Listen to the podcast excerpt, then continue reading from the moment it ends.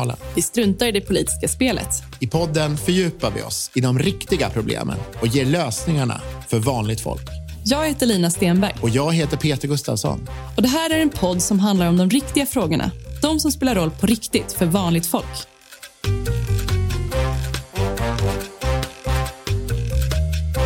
Hej och välkommen tillbaka till ett nytt avsnitt av Folkkanalen. Ja, Li, du har ju varit aktiv vänsterpartist under många år. Och Hur kommer det sig att du var på ett läger för unga norska socialdemokrater? Och Vad var det som hände? Ja, eh, jag jobbade ju vid den tiden eh, på en eh, tankesmedja som heter eh, Manifest som är partipolitisk obunden vänster eh, tankesmedja. Och, eh, vi eh, hade gett ut massa rapporter och så. Och det var i egenskap av eh, utredare på, eh, på den tankesmedjan som jag var inbjuden för att egentligen prata om Sverige faktiskt. Eh, skulle eh, prata om hur eh, Eh, Reinfeldt-regeringen hade eh, angripit många av de här socialförsäkringssystemen och så. Ehm, söta bror eh, mörkerblå hette det föredraget och avslutades med en ehm, en powerpoint-bild som löd “Don't try this at home”.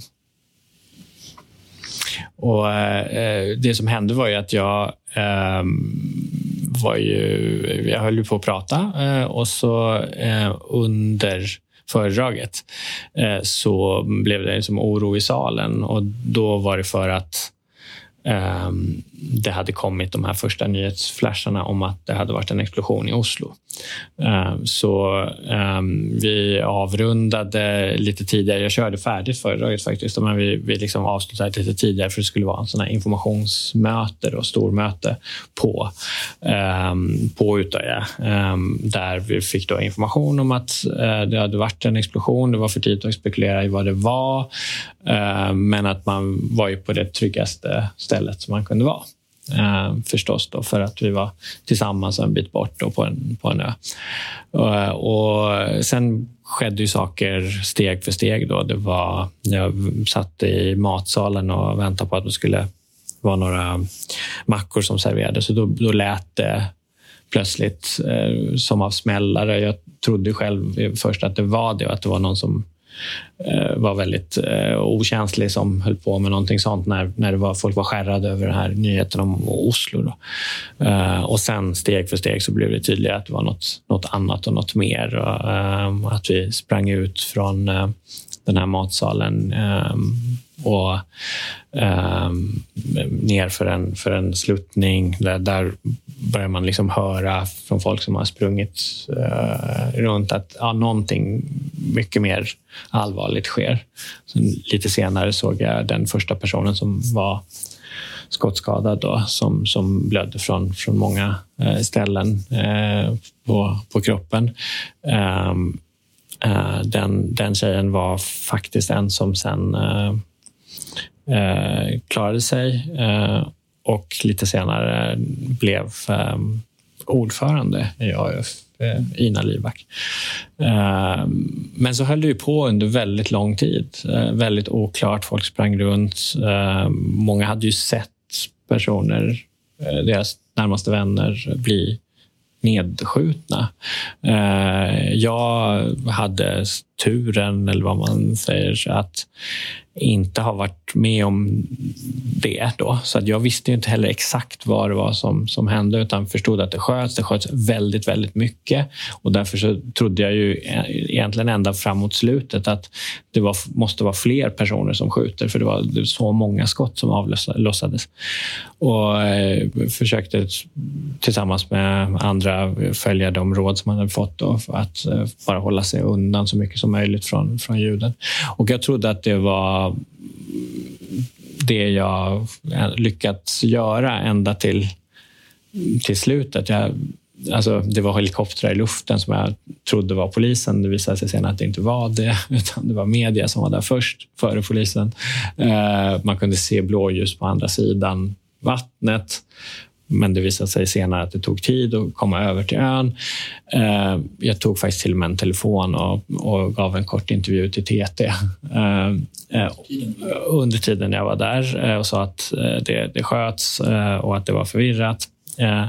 Så när jag la på och så gick jag ner till vattnet för att bara vänta på att det skulle, liksom, nu skulle liksom polisen komma Ehm, och, och, och evakuera oss. Men då ehm, dök ju ehm, gärningsmannen upp vid vattnet. En man som var klädd i vad jag tyckte såg ut som en väktaruniform. Det var en polisuniform som han hade. Som ropade eh, ta det lugnt, ta det med ro, det är politi. Det är polisen. Men samtidigt såg jag lyfte vapnet. Och då, då vid det tillfället så trodde jag ju att jag, nu kommer jag att bli bli skjuten. Jag liksom vände mig instinktivt om och sprang ut en liten bit i vattnet och ramlade och så där och skar upp handen lite grann. Eh, men hörde ju då de här liksom starka metalliska ljuden av skott väldigt nära. Eh, men så vände jag mig om då och tittade in mot ön igen och då var han inte där längre. Då. Eh, och, och jag låg i vattenkanten liksom, och kunde, kunde se folk, eh, andra som också låg i vattenkanten och, och så att säga levande. Eh, både till höger och vänster om mig. Och det, vi var där eh, ända tills den, en stund där den riktiga polisen eh, kom och eh, vi fick komma upp ur, ur vattnet. För det var visade sig senare att det var där, precis där jag var, där eh, han eh, gick liksom bara lite. Jag såg honom och han liksom lyfte vapnet. Eh, men han liksom klev åt ett lite annat håll. Det var där han dödade de sista personerna. Han, han mördade innan han strax eh, därpå då blev eh, gripen av polisen lite längre in på, på ön. Men då hade han ju hållit på väldigt länge. Då. Um, så, så det var det som, det som skedde. Men fortfarande då så förstod ju inte jag omfattningen av det som hade hade hänt. Eh, utan det var först när jag hade kommit över till andra sidan, det här uppsamlingshotellet, när eh, vi, eh, när jag sen blev hämtad på småtimmarna av, av min dåvarande sambo som då förut var gravid med vårt barn och hennes mamma. det var när vi var på väg in till Oslo i bilen som det var en presskonferens med polisen, jag tror det fyra tiden på morgonen, där de sa att de anslog siffran av döda till 80.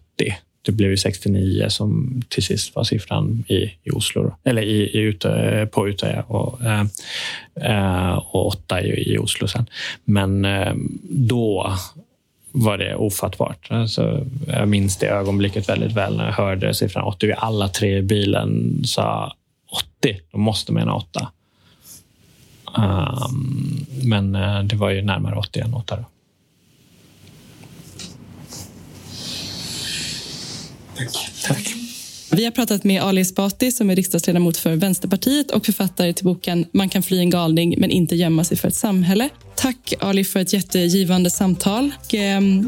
Om ni lyssnare, om ni gillar vad ni hör, eh, tipsa gärna andra om att lyssna. Ni får jättegärna också ge oss betyg. Det blir vi jätteglada för. Och eh, dela och rekommendera podden. Vi finns ju där poddar finns. Och se till att prenumerera så att du får läsa, eller följa podden så fort det kommer ett nytt avsnitt. Och lämna en kommentar i sociala medier om vad du tycker. Och kanske gärna också ett tips på vem vi ska bjuda in härnäst. Eh, vi finns i olika sociala medier. Ha det fint så hörs vi snart igen. Du har lyssnat på Folkkanalen en podd för vanligt folk. Folkkanalen görs av Lina Stenberg och Peter Gustavsson. Och vi finns där poddar finns.